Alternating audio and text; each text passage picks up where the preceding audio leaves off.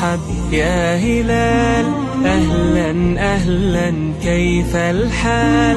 قد غبت وإليك اشتقنا وانتهى بعدك صار وصال. نعطي صبرا نأخذ أجرا والله يرانا السلام عليكم ورحمة الله وبركاته. يا ميت أهلا ومرحبا. ويا صباح مساء الفل على كل الناس الجميلة اللي بتسمعنا في حلقة جديدة من بودكاست ريان. في رمضان. وضيف حلقة النهاردة هو عمر منشاوي. الكلام يا عمر عن أخلاق النبي صلى الله عليه وسلم الكلام يا عمر عن معاملات النبي صلى الله عليه وسلم مع أصحابه. ولكن النهاردة هنخرج عن السياق شوية وتبقى حلقة كده open mic تقول فيها اللي أنت عاوزه. بس المايك معاك و... واتكلم بقى براحتك. الحمد لله والصلاة والسلام على رسول الله صلى الله عليه وعلى آله وصحبه وسلم. أريد أن أتكلم اليوم عن صحابي من صحابة النبي صلى الله عليه وعلى آله وصحبه وسلم. هذا الصحابي حين مات اهتز لموته عرش الرحمن عز وجل ويمشي في جنازته ما يقرب من سبعين ألف ملك.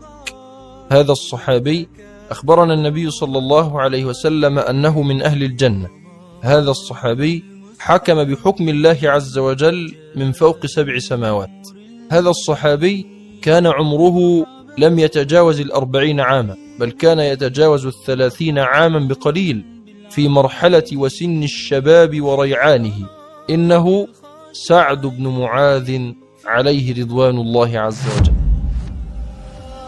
إنه سعد بن معاذ عليه رضوان الله عز وجل. من المعلومات إن سيدنا سعد أسلم وهو عنده 30 سنة ومات وهو عنده 36 سنة ولما مات اهتز له عرش الرحمن. سعد بن معاذ حكم بحكم الله من فوق سبع سماوات. كيف ذلك؟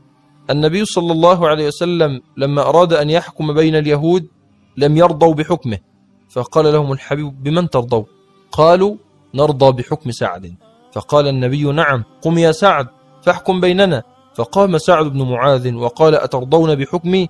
قالوا نعم. ثم من أدبه وورعه وتواضعه وحبه للنبي صلى الله عليه وسلم لا ينظر إلى جهة الحبيب صلى الله عليه وسلم ولكن يشير بيده إلى جهة الحبيب تأدبا معه عليه الصلاة والسلام. ثم قال وعلى من هنا؟ أي حكمي سائر عليك أنت أيضا يا رسول الله وعلى من هنا؟ فيقول الحبيب صلى الله عليه وسلم نعم وعلى من هنا. وعلى من هنا حكمك يسير يا سعد. ثم قال سعد بن معاذ أحكم فيهم أن يقتل مقاتلوهم وأن تسبى نساؤهم وأن تقسم أموالهم. فقال له الحبيب صلى الله عليه وسلم لقد حكمت بحكم الله من فوق سبع سماوات يا سعد لقد حكمت بحكم الله من فوق سبع سماوات يا سعد أي أن هذا هو الحكم الذي أوحى الله إلي به أجراه الله على لسان سعد. سعد بن معاذ لما أراد النبي صلى الله عليه وسلم أن يخرج إلى غزوة بدر أراد النبي أن يأخذ رأي الناس وبالأخص أراد النبي أن يأخذ رأي الأنصار لأنهم عاهدوه أن ينصروه داخل المدينة وليس خارجها.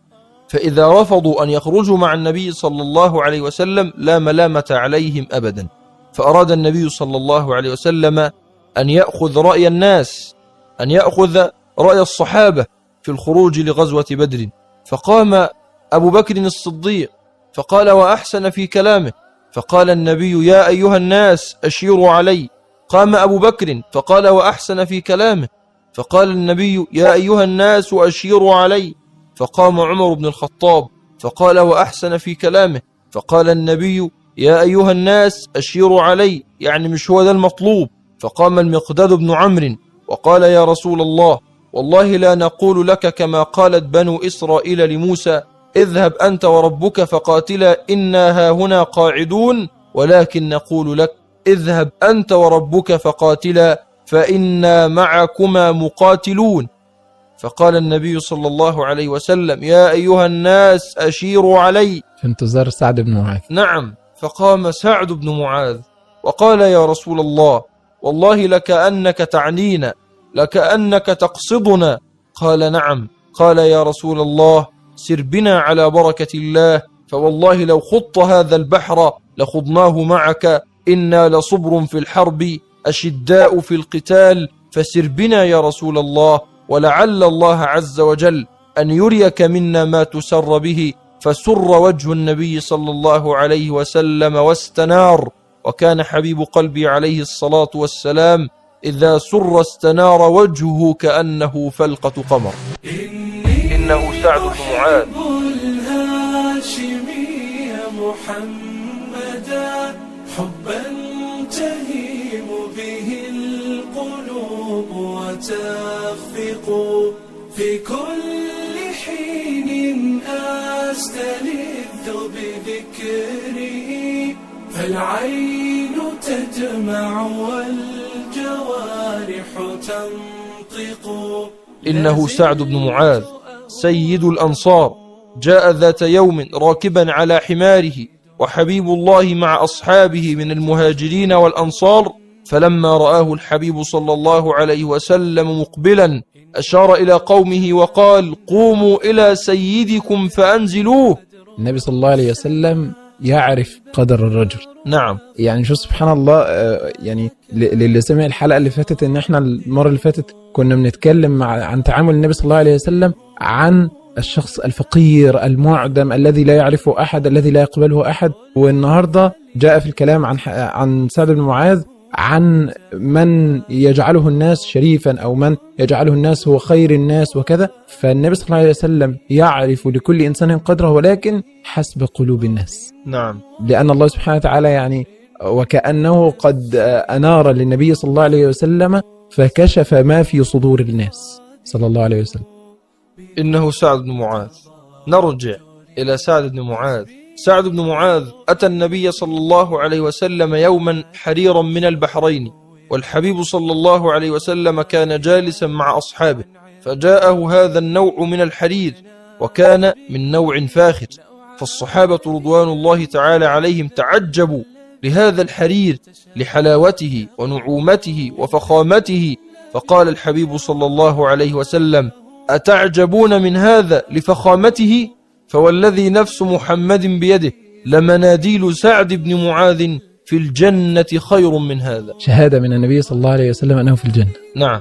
سعد بن معاذ يخرج مع النبي صلى الله عليه وسلم في إحدى غزواته فضرب ضربة قاتلة لا يضربها أحد إلا ويموت. يعلم سعد بهذا قطعا يعلم أنه سيموت وكل من حوله يعلمون أنه سيموت. ويعلم سعد أنه سيموت. ضرب هذه الضربة القاتلة ولا محالة من أنه ميت. فيرفع يديه إلى رب العزة والجلال ويقول اللهم لا تمتني حتى تشفني من بني قريظة. اللهم لا تمتني حتى تشفني من هؤلاء اليهود الملاعين الذين آذوا نبيك وعادوا رسولك. يا رب لا تمتني حتى تشفني منهم. فانظر إلى قدرة ربك الكريم وإلى الله العظيم كيف يستجيب لدعوة هذا العبد الصالح. فتتغير كل المقادير. فتتغير كل المقادير. وتتوقف كل الأسباب لأجل دعوة من سعد رضوان الله تعالى عليه. فيلتئم الجرح القاتل وكأنه لم يصب منه ولا يبقى منه إلا كمثل حبة العدس. لتشير إلى مكان الجرح. دعوة من سعد بن معاذ استجيبت في وقتها. يا الله سبحان الله كنا الحلقة اللي فاتت مع الشيخ فتحي كنا بنتكلم عن عن الدعوة وأثرها وحتى كان كان الشيخ ربنا يحفظه اتكلم عن نقطة اللي هو إيه قلت له يعني نفسي أبكي من خشية الله قال لي ادعي. الموضوع بسيط جدا. فسبحان الله حتى من دعاء سيدنا سعد بن معاذ كان بيستهدف نقطة معينة وهي نقطة النبي صلى الله عليه وسلم. الأمر ليس حبا في الحياة وليس حبا في الخلود. وإن كان كل إنسان كده ولكن هو لا كان بيرفع إيده علشان يشفى صدره من من أولئك الذين آذوا رسول الله صلى الله عليه وسلم. اللهم لا تمتني حتى تشفني من بني قريظة. يقول سعد اللهم لا تمتني حتى تشفني من بني قريظة فاستجيبت دعوة سعد في الحال. فيلتئم الجرح القاتل وكأنه لم يصب منه ولا يبقى منه إلا كمثل حبة العدس لتشير إلى مكان الجرح. فلما شفي صدره من بني قريظة يرفع يديه إلى رب العزة والجلال ويقول اللهم إن كنت أبقيت حربا لنبيك مع قريش فأبقني لها وإن لم تبق له حربا مع قريش فاللهم افجرها فانفجر الجرح مرة أخرى كأنه يضرب الآن. يا الله. عاد إلى زمنه الأول. سبحان ربي. إنها كرامة الله لأوليائه. نعم. إنها كرامة الله لأصفيائه. إنها كرامة الله لهذا العبد الصالح. فانفجر جرحه وجلس ينتظر ساعته. فنودي على النبي صلى الله عليه وسلم. فيقول صلى الله عليه وسلم اضبطوا له خيمة في مسجدي ليكون بجواري. انظروا إلى مقامه عند رسول الله. انظروا إلى حب رسول الله لسعد. فسعد جلس ينتظر ساعته والنبي صلى الله عليه وسلم يجري جريا والصحابة يجرون وراءه عليه الصلاة والسلام. يقول صلى الله عليه وسلم أسرعوا لا تسبقنا الملائكة إليه. أسرعوا لا تسبقنا الملائكة إليه. فلما يصل عليه الصلاة والسلام يجد سعدا قد أسلم الروح إلى بريئها. وقد فاضت هذه الروح إلى رب العزة والجلال. فيخبر المصطفى عليه السلام بهذا النيشان العظيم لسعد. فيقول اهتز عرش الرحمن لموت سعد. اهتز عرش الرحمن لموت سعد. إنه سعد بن معاذ اهتز لموته عرش الله الملك العظيم القادر الكريم اهتز عرش الرحمن لموت سعد وتنزل الملائكة لتشيع سعدا تحمله من على الناس لدرجة أن النبي صلى الله عليه وسلم يسير في الجنازة حافيا حتى لا يصيب أحدا من ملائكة الله عز وجل رضوان الله تعالى عن سعد. الكلام عن سيدنا سعد آه، عظيم. من المعلومات إن سيدنا سعد أسلم وهو عنده 30 سنة ومات وهو عنده 36 سنة ولما مات اهتز له عرش الرحمن. في ست سنين بلغ هذه المنزلة وهذه المكانة من حب النبي صلى الله عليه وسلم ومن حب الله سبحانه وتعالى حتى تشيعه الملائكة وحتى يهتز له عرش الرحمن. الحديث آه، ممتع. الحديث آه، لا يمل. ولكن نكتفي بهذا القدر وإلى حلقة أخرى نلقاكم. أراكم على خير. والسلام عليكم. وتظل تمضي لا تبالي بالهوى. آه فيا للهجر كم أضناني. خذ ما تشاء. مني ولكن أعطني حبا وبعض العطف والتحنان. أتراك تدري يا سطور حكايتي؟ وعلمت ما قد ضمه وجداني. قل بربك هل عدلت بقصتي؟ إن الهوى والحب هدكياني.